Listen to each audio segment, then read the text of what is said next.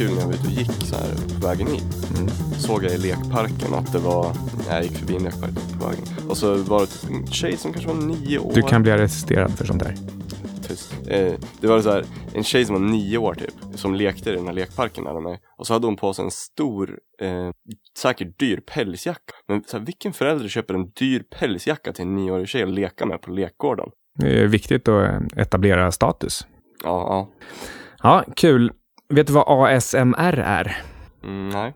Nej, det är, jag tänker inte uttala vad förkortningen står för, men eh, hjärnpirr brukar det kallas för. Det är den här, eh, för min egen del så associerar jag till den känsla jag kan få när jag läser en riktigt bra bok. När jag läser på, liksom på gränsen till min egen förmåga, men förstår och drar slutsatser och, och lär mig saker. Då pirrar det liksom i hjärnan. Eh, Man kan tydligen få det här ASMR-effekten av annat också, till exempel mjuka viskningar eller associationer till vissa speciella ljud som man gillar, som att ja, men, dra handen genom varm sand på en sandstrand.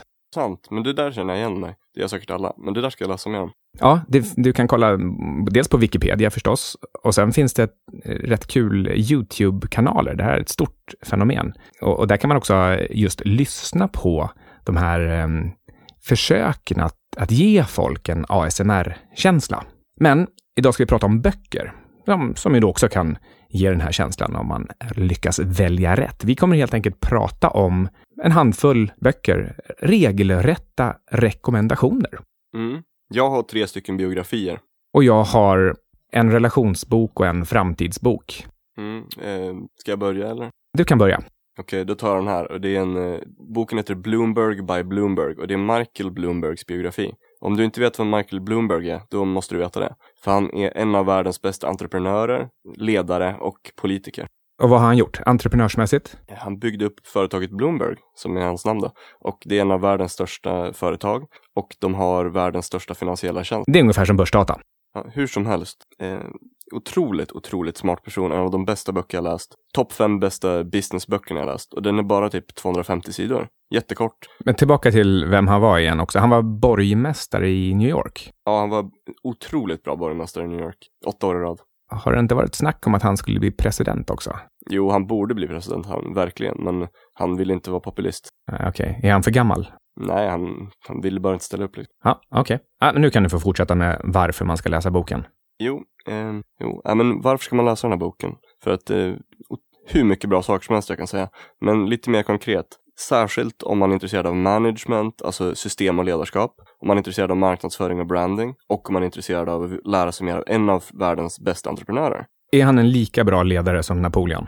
Svårt att säga, men mm, ja, det tror jag inte. Men han, han var mm, ja, nästan lika bra. Hade han någon, någon särskild grej sådär som du har fastnat för när det gäller just eh, ledarskapet eller sättet att bygga upp system? Det är en bra fråga, men det är inte någonting specifikt som jag hängt upp på, utan är, han är bara väldigt, väldigt duktig journalist. Otroligt eh, välrundad. Mm. Och är, han ger så många praktiska tips inom så många olika områden. Så att jag, jag har skrivit och vikt varje sida i boken nästan. En riktigt stor takeaway som jag gjorde från den här boken, det är vad jag kallar för min, min dream business criteria. Alltså hur, hur skulle jag vilja att ett riktigt drömföretag som jag gjorde skulle se ut? Och så har jag mer eller mindre snott kriterierna för Bloomberg. Vad, där några stycken, de viktigaste är det ska vara ett privat företag, det ska vara en prenumerationstjänst, det ska vara business to business, det ska vara till folk som har mycket pengar och det ska vara en essentiell tjänst som är svår att sluta med. Ja, det låter ju som riktigt bra. Ehm, lite svårt att, att slå hål på också, för hur, ehm, hur skulle man annars göra? Ja, nej men det, det där är ju drömexemplet som man vill ha liksom. Men det är klart, mo- motsatsen är väl då att sälja till konsumenter, inte prenumeration, utan man säljer enstaka. Så du måste göra om det hela tiden. Och så- Varje ny försäljning är tidskrävande och svår. Och så sälja till fattiga. Mm. Nu börjar vi beskriva Walmart. Ja, precis. Det vill jag, skulle jag aldrig vilja hålla på med. Och sen eh, syftet med att det här är liksom mina dream criteria. Det är för att det leder till att du väldigt enkelt får en kassaflöde och du har höga marginaler. Så det är som, om man, om man ska säga så här, det, det är så här en lat människa skulle bygga upp ett kul och bra företag och bli rik utan att behöva jobba typ. Men så händer det ju inte på riktigt. Men det är i fantasin liksom, det här är värt att eftersträva. Och sen om du inverterar och tänker motsatsen. Vad är de största misstagen jag kan göra? Och vilka entreprenöriella projekt ska jag aldrig någonsin ge mig in i? Och då är det lite som du sa, skulle aldrig vilja ge mig in i någonting där det är sjukt svårt att sälja, där det är dåliga konsumenter som är tråkiga att jobba med eller hålla på med. Ehm, det du säljer är inte ens viktigt och eh, det är inte tydligt eh, vilken bransch det är heller. Mm. Ja, konsumenter, det är, det är alltid knepigt. Det är bättre om man har professionella köpare istället för att man ska hoppas på den där ingivelsen i, i köpögonblicket. Just därför som om man börjar eh, att göra någonting på egen hand, då är det enklast att vara konsult till något stort företag som har mycket pengar. Har du några praktiska tumregler från boken som man kan använda? Alltså, hur många som helst, men jag kan dra några här som är bra. Och det är så här, du får veta varför de inte har titlar på Bloomberg, management tips. Eh, du får veta varför ingen chef får stagnera i homeostasen. De måste byta projekt var sjätte eller tredje till nio månader ungefär, det är optimalt. För längre än så, då, då får du dålig motivation och folk blir på sikt okreativa. Är det lite som i eh, Sovjetunionen efter revolutionen, att eh, under kommuniststyret så, så skulle alla rotera arbetsuppgifter. Så kirurgen blev eh, bonde och bonden blev kirurg och sådär. Nej, nej, det måste ju vara inom samma kompetensområde. Men de ska ha ett nytt projekt, eh, gärna så fort som möjligt. Du ska inte ha dina bästa personer stagnera. En till sån här sak, det är att det är väldigt viktigt att ha en bra teknologichef. För om ditt företag använder fel teknologi och du inte belönar teknologichefen rätt, eller ger status till det yrket, då, då får du antagligen ett dåligt. Då blir ni dåliga och ineffektiva. Oerhört viktigt i stora företag. Eh, programmerare måste ge en väldigt enkel förklaring i vanligt språk varför de vill införa ett nytt program, ett nytt projekt eller en ny feature i sina stora eh, program. Istället för att de så säger i nerd speech skitlångt varför de vill göra det. Men de måste kunna förklara för en vanlig människa varför de ska göra det. Ja, varför det? För att då är det enkelt att veta om det verkligen hjälper mot företagets mål eller om det är bara någonting kul som de vill göra. Och här är ett, här är ett smart eh, aktietips från honom. Bloomberg han säger själv att han inte är bra på aktier, men det är han ju. Ja, han har jobbat i typ 20 år inom finansindustrin. Han är oerhört bra. Eh, och en av de enklaste tumreglerna han har, det är att innan han kollar upp om ett företag är värt att köpa, då ringer han deras kundtjänst, han ringer en konkurrent till dem och han ringer en försäljare för företaget. För han, han, han litar på att dessa personer, eh, om, om, om alla de här personerna säger att företaget är dåligt eller ointressant, de, de säger inte det, men du får ju lyssna på dem och de får inte veta vem du är om alla de här personerna inte har någonting jättebra att säga om företaget, då ska du inte ens kolla vidare. Hör du det, John på Börspodden? Här kan du lära dig lynchning på riktigt bra nivå. Ja, nej, men det är vad han säger i alla fall. Och det tycker jag låter klokt. En annan sån här rolig grej, det är att eh, de har väldigt lite ledigt lokalsutrymme och lokaler som är inte alldeles för stora. Vissa företag de köper lokaler som är jättestora så de tänker nu har vi mycket rum att fylla upp här. Men han säger nej men det vill vi inte göra. För att om vi gör det då blir det lite Parkinsons lag över det. Så att eh, vi bara anställer massa folk för att fylla lokalen. Medan om du har väldigt tight då måste du skaffa en ny lokal om du vill ha mer folk. Och då är du mer konservativ i vilka du anställer. Och då anställer du inte dåliga personer. Det här är ju en sån här grej som är tumregel i ett jättestort företag då, men det är smart. Jag som trodde att Parkinson var den här motoriska störningen som gjorde att man blev alldeles spattig och, och ryckig för att man hade dopaminbrist. Ja, det också. Men du vet vad jag menar. Mm, det gör jag. Bra att veta. Då tar jag en bok från min lista. Why Men Lie and Women Cry. Det är en, en, eh, en fråga som alla ställer sig. Jag skulle säga att det är tjejer gör båda två. Och, och killar inga. Och det här är, den är skriven av eh, paret Peace. Jag tycker en, en, en anledning till att läsa den här, det är att man faktiskt får insikter om olikheter i mäns och kvinnors sätt att tänka och hantera vardagssituationer. Sen, det är förstås en väldigt amerikansk bok sådär, så att man måste ta den med en nypa salt. Jag ta, tror ju liksom inte på alla de här fördomarna och saker och ting ändras. Men den är, den är rolig och, och faktiskt just så här härligt fördomsfull, eller rakt på sak i sina fördomar. Eh, men samtidigt ganska sann.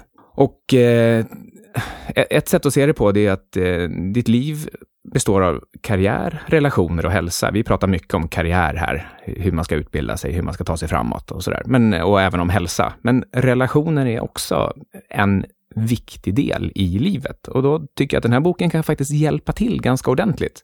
Ja, bara, ge mig ett bra tips då från. I, I praktiken, så vad jag själv har tagit med mig, som jag i princip varje dag använder, det är att när det är potentiellt känsliga situationer, och det här gäller både i relationen med killar och tjejer, så, eh, så tänk efter lite grann. Till exempel om eh, en tjej kommer och berättar någonting, det låter som ett hinder eller ett problem, det är liksom någonting som, som tynger henne på något sätt. Då försöker jag absolut inte komma med någon lösning eller någon, försöka liksom fixa det här på något sätt, utan då bara lyssnar jag och känner in och, och är empatisk. Vilket eh, alla som känner mig förstår att det kommer oerhört naturligt, eh, som för alla andra med Asperger. Nej, det gör det alltså inte. Men, men jag, jag bromsar min naturliga, både manliga och eh, andra, annan eh, instinkt att komma med lösningar. Utan helt enkelt bara, jag förstår dig, eh, förstår att det här är jobbigt. Eh, ja, någonting sånt. Eller bara, så, eller så håller jag bara käften och, och, och klappar henne på axeln. Oerhört naturligt. Ja, och till exempel när det gäller män så eh, lämnar de framför allt i fred och jag kommer absolut inte med några oombedda råd. Det är, mm, det är verkligen eh, att trampa in på en mans intimrevir är att eh, komma med råd och förslag hur man ska göra. Till exempel, eh, ska du verkligen lyfta på det där sättet eller ska du inte skruva åt den där? Eller, ja, man, man väntar till en man ber om råd. Och på motsatt sätt så kan man faktiskt också utifrån den här boken be om råd för att just skapa kontakt och, och eh, få den andra att känna sig lite duktig och lite viktig, för att man blir gärna bedd om råd som man. Och sen finns det massor med roliga citat i den här. Roliga citat och roliga små tumregler. Till exempel det här med att fråga om vägen. Tjejer känner nog jätteväl igen att eh, har man kört vilse i bilen, då vägrar mannen stanna och fråga folk om vägen. Inte jag. Nej, men eh, det, det är bra. bra. Du är rationell. Jag har ingen bil, men jag, jag går vilse ofta. Det, det, är ändå det, det, är ett smart knep, för då måste man ofta fråga någon. Ja, och sen precis, du bryter homeostasen på massor med sätt. Du måste anstränga dig när du ser att du är vilse och du måste anstränga dig för den här sociala när du kontaktar mm, någon och frågar. Ja. Det där gör man naturligt när man är i ett annat land. Tänk om, tänk om Moses hade varit kvinna istället. Då hade de inte villat runt där i 40 år. Då hade fler personer varit tvungna att ha på sig kjolar tror jag. Eh, sen har vi till exempel en riktigt kul grej, det är kunskap om poängsystemet. Det här poängsystemet, tänker man efter så känner man till det. Och det är att Aha. kvinnor räknar poäng, en sak är en poäng. Till exempel, en ros är en poäng. En, ett snällt ord kan vara en poäng. En förlovningsring är en poäng. Yeah, right. Nej, det är en poäng. Det är så många så att... Ja, men så, så mäter de. Och då gäller det som man att vara smart här och tänka att man, eh, jag menar, vill du samla ihop tio poäng, då kan du köpa tio rosor vid olika tillfällen. Det är riktigt puckat om du håller på att köpa förlovningsringar eller bilar eller dyra semestrar och sådär, för du får bara en poäng per styck. Och eh, medan män däremot, vi, vi har en tendens att liksom, i alla fall vikta ganska det, vi kan ha lite konstiga vikter på saker och ting, men, men det, det finns vikt 10 det finns vikt 0 och 1 och 2 och sådär. Men, men kvinnor har i princip bara vikt 1. Fan, jag, jag, när du sa poängsystemet då tänkte jag så här, ah, hon är en 10. jag, jag trodde du menade. ja, nej, den törs jag inte gå in på. Det är inga tips om hur man ska tänka mer pricksäkert, pricka rätt. Och, och framför allt att eh, tänka strategiskt med hur man eh, samlar ihop de här poängen. Det blir, väldigt dyrt om du ska få ihop 10 poäng genom att ge smycken till exempel. Superbra råd. Ja, kul bok, nyttig och du, du kan hitta massor med kul citat som du kan eh, tweeta ut sen om du vill. Ja, eh, jag kommer att tänka på en sak här, om man inverterar där också och tänker motsatsen. Jag minns, här, jag minns en gång när jag gymmade i Lund och så gymmade jag, körde jag marklyft, det var sista sättet, då har man inte, kanske inte så bra form. Så gjorde jag det och det, och det roliga är att det var stiff leg deadlift, alltså när man har raka ben och bara ryggen kör typ. Och så, sen gjorde jag det och var jättetrött. Och så, så pustade jag ut där. Sen kom det fram en kille och klappade mig på axeln så här, du, det där ser ju ut att göra rätt ont. Så jag bara, jag är rätt trött nu. Så han bara, ja, det kan jag förstå du gör ju helt fel. Så här, han trodde jag gjorde marklyft. Han, han bara kommer in utan att ha någon koll på någonting så här. Så jag bara, ah, okej, okej. Okay. Men pustade jag ut så här. Så han bara, du, nästa gång, ta mitt kort här så är jag en personlig tränare. Ja, sorgligt. Jag ringde inte. Jaha, okej. Okay. Um, ehm, ska vi försöka få in varsin bok till? Ja, min nästa bok är King Larry, som är en, också en biografi då. Och den här boken, det är lite svårt att klassificera den, men det är väl business biography. Och den handlar om Larry Hillblom, som är grundaren av DHL. Och då får du förklara vad DHL är. Jag vet inte om jag kan det, du kan det bättre. Men det, de levererade saker. Det här var innan Fedex. Och de blev extremt stora. Det var ett franchiseföretag. De eh, ska väl nog finnas kvar fortfarande. Mm. Men de, de växte ofantligt snabbt. Och Larry Hillblom är ett extremt affärsgeni. Med väldigt bristande moral, men ett väldigt intressant liv. Eh, Och eh, det här, den här boken ska man läsa om man vill veta hur det är att le leva sitt liv på e sina egna regler, göra väldigt konstiga saker och eh, vara lite som Howard Hughes, vilket var hans idol. Och, och, vad ska man eh, egentligen i praktiken ta ur det här? Du, du säger att man, man får inspiration till att leva lite lite efter sina egna regler. Ja, det är helt sjukt. Eh, och man, man, skulle kunna säga så här, boken är en lång övning i kreativt tänkande. Han var väldigt smart. Han var väldigt bra på många saker som är omoraliska, typ fuska mot skatten, eh, bo vart han vill, göra konstiga grejer. Eh, hade inte han, eh, blev inte han typ kung över Kuriduridutöarna eller något sånt? Han var inofficiellt den mäktigaste mannen i Polynesien och styrde praktiskt taget det med sin, ja med järnhand. Men Eh, officiellt så var han bara en vanlig person. Däremot ställde han upp i borgmästarvalet på ön Sapa, som han bodde på, där, din, där du inte behövde betala någon skatt. Men bara om du var en egen medborgare i Sapa.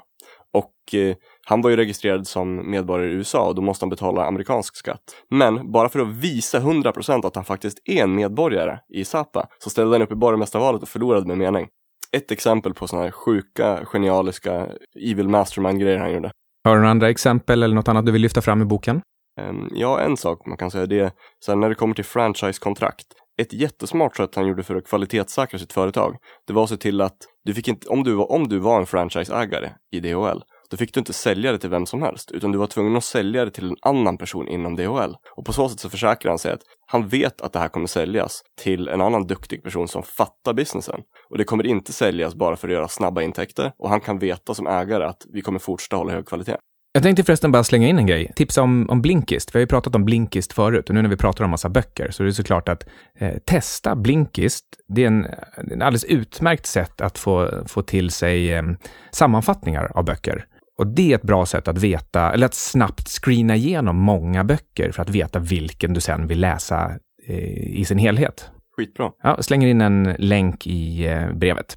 Mm, det använder vi båda, Blinkist alltså. Eh, och en sista grej om King Larry innan du tar din bok. Och det, det här är ett jättesmart management-tricks för alla som har stora företag eller stora chefer liksom. Och eh, det är så här, när du presenterar en viktig idé, typ ett projekt som du vill att dina, manage, dina chefer ska göra, då måste de kunna peta ett tydligt hål i den och visa att du har fel och de har rätt. Annars så måste de göra det.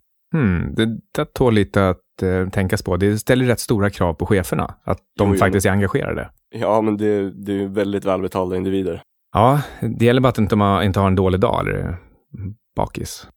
Ja, nej men hur som helst, du kan ju inte bara fatta stora projektbeslut på det här, men det är en jättebra tumregel. De måste visa att du har fel. Ja, men det är ett bra sätt att sätta press på dem så att de faktiskt anstränger sig, för att annars var ju de, eh, de har ju ansvaret sen. Ja, och inte bara det, utan det är så här, eh, det här är ett smart sätt att triangulera, som vi snackar om mycket, och prata med en annan smart person innan du fattar ett riktigt beslut. Mm. Min andra bok är Abundance, eller överflöd, av eh, Diamandis och Kotler i samarbete. Den här tycker jag man kan läsa för att få inspiration och insikt om hur den teknologiska utvecklingen ser ut. Den innehåller alltså väldigt praktiska exempel på ett antal olika områden för att visa var vi faktiskt står nu och lite grann var vi är på väg i den närmaste framtiden. Eh, jag tycker att den är, den är viktig för att den, den kan ge en förvarning som får en att hålla en lite grann på tårna. För det här gäller ju liksom din karriär, ditt liv. Var får du plats i den här tekniska utvecklingen? Det var ju liksom synd om man gjorde motsvarigheten till att satsa på skrivmaskiner eller, eller hästar eller någonting sånt när, när bilar och, och datorer är på väg. Och um, här pratar vi om mänsklighetens stora utmaningar. El, vatten, sjukdom, energi, sådana saker. Och, eh, och hur man, potentiella lösningar till, till allt det här. Ehm, boken är skriven 2012, så den är ändå lite daterad, fem år gammal. Men det gör också det lite spännande att, att läsa den och eh, och faktiskt kunna se eh, lite saker som de spekulerar om eller säger att det här kan vara på gång, så kan man själv se i, i världen nu, fem år senare bara, att ja, men ja, så är det. Eller möjligen vissa saker som faktiskt inte har kommit igång ordentligt. Den är det som är bra med den är inte minst att den, är, den ger en, den är en helhetssyn på de här sakerna och den är praktiskt orienterad. Det är alltså inte en vision om den här singulariteten som jag brukar prata om när artificiell intelligens utvecklar sig själv i rasande takt och tar över världen.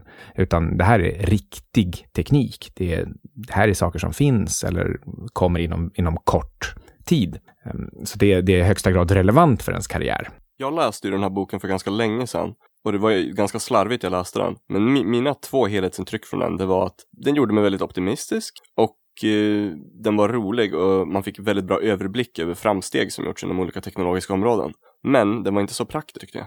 Nej, okej. Okay. Ah, den, den, den kommer ju inte med tips på vad du ska Nej, göra. Det är det jag menar. Nej. Utan man var tvungen att tänka mycket själv. Ja, precis. Det gör ju ont att tänka, det, Ja. det vet vi. Men, men eh, den är praktisk så tillvida att det är konkret teknik och tänker man till lite grann så kan man förstå ungefär vad man själv passar in i det här. Bra för karriärvägledning då kanske. Precis. Själva huvuddelen av boken är 240 sidor och det är väldigt enkelt skrivet och lätt att ta till sig. Och sen kommer det 60 sidor med grafer som, eh, som visar vilka framsteg som har skett i världen inom de här olika teknikområdena. Och sen kommer ytterligare 50 sidor med fotnoter som, eh, ja, om man vill läsa mer eller om man vill bara förstå lite mer av vad det är de pratar om. Och tycker man att det här, att den känns lite för gammal den här boken, då kan jag verkligen rekommendera att signa upp sig på det gratis nyhetsbrevet som heter Abundance Insider. Det måste jag gå med. Ja, vi, eh, vi skickar med länken i brevet, så kan även du klicka in på den. Okej Ludvig, du hinner ta din sista bok också. Sälj in Hamilton ordentligt nu. Inte musikalen, utan boken och personen. Oj, jag är inget bra på det här. Det skulle ta mig 30 minuter liksom. Men lite snabbt så här. Hamilton är en av världens, världshistoriens, i min åsikt, smartaste politiker och strateger och ledare. Han hade många svagheter som tyvärr förstörde hans karriär alldeles för tidigt. Men om man läser den här boken då kan du få en extremt bra översikt över USAs grundande, hur eh, deras eh, politiska system ser ut som det gör idag och eh, hur det grundades. Över alla de viktigaste människorna under grundandet av USA, alltså founding fathers. Och du kan lära dig undvika de extremt farliga karaktärsmisstagen som ham- gjorde att Hamilton typ är bortglömd idag. Uh, Hamilton, Spamilton, finns han ens på någon sedel? Nej, Har han flugit drake och uppfunnit elektricitet? nej det var Franklin. Jefferson, är han inblandad här? Ja, men jag om man läser den här boken så har man ett bias mot Jefferson. För de, är- de var fiender. Poängen med boken är väl lite grann att den, eh, det har kommit fram massa ny information de senaste åren som eh, visar Hamiltons riktigt stora avgörande roll i amerikansk historia. Den, den försvann lite i början. Jag skulle vilja säga att han var den viktigaste av alla de grundande anfadrarna, founding fathers. Mm, jag tror faktiskt att det är lite temat i den här succémusikalen också, som, eh, som bara presidenter kommer in på. Mm. Grejen var att Washington var figurehead, så, alltså presidenten, så han fick eh, all uppmärksamheten. Och sen efter det så förstörde eh, Madison och Jefferson, de, de försökte ta bort Hamilton ur historien för de hatade honom. De tog bort honom från historien i alla fall. Tog han inte bort sig själv också? Var inte han med i någon duell? Jo precis, han, han, han fick sig själv dödad genom att prata för mycket det var det som var hans misstag. Han, alltså, lite kort, hans största karaktärsfel, det var att han var otroligt smart, men han, var, han hade väldigt kort stubin. Så att han, eh, hade han haft Twitter idag hade han suttit och debatterat med idioter hela tiden och någon hade till slut kommit och dödat honom typ. Jag har för mig också att i den här duellen, sägs det inte att han sköt bredvid? Alltså han, han ville inte skjuta den andra. Så kan det säkert vara. Jag vill inte lita på någon sådana där, såna där saker. Men jag vill inte lita på några sådana bevis liksom. För det är allt, allt i min, i min åsikt så är det åsikt. Hur som helst, han dog och killen som dödade honom hade tränat innan duellen och det hade inte han gjort. Ja, det var de fem böckerna, men eh, det finns ännu en bok, Facebook. Ja, Vi tänker nu officiellt dra igång en grupp där eh, ja, du som lyssnar eh, gärna får signa upp dig. Det är gratis förstås, men eh, vi eh, måste godkänna din ansökan för det är en sluten grupp. Och i den gruppen så eh, kommer vi varje vecka och även kontinuerligt hålla igång diskussioner där vi hjälper varandra till produktivitet, effektivitet och andra, andra kul påhitt. Vi kanske kommer ordna events via gruppen. På, på olika sätt dela med oss av alla de här verktygen som, ja, dels som jag och Ludvig hittar, men som kanske ni också hittar och vill hjälpa till med ja, det är många smarta lyssnare och det ska bli kul att se vad vi kan samla ihop våra krafter till att göra. Här blir det både socialt kapital och kulturellt kapital och alla möjliga sorts kapital i gruppen. I överflöd du där. Mm, abundance. Det får räcka för idag. Då tackar vi tradevenue.se som producerar och Johan Olsson som klipper. Tack.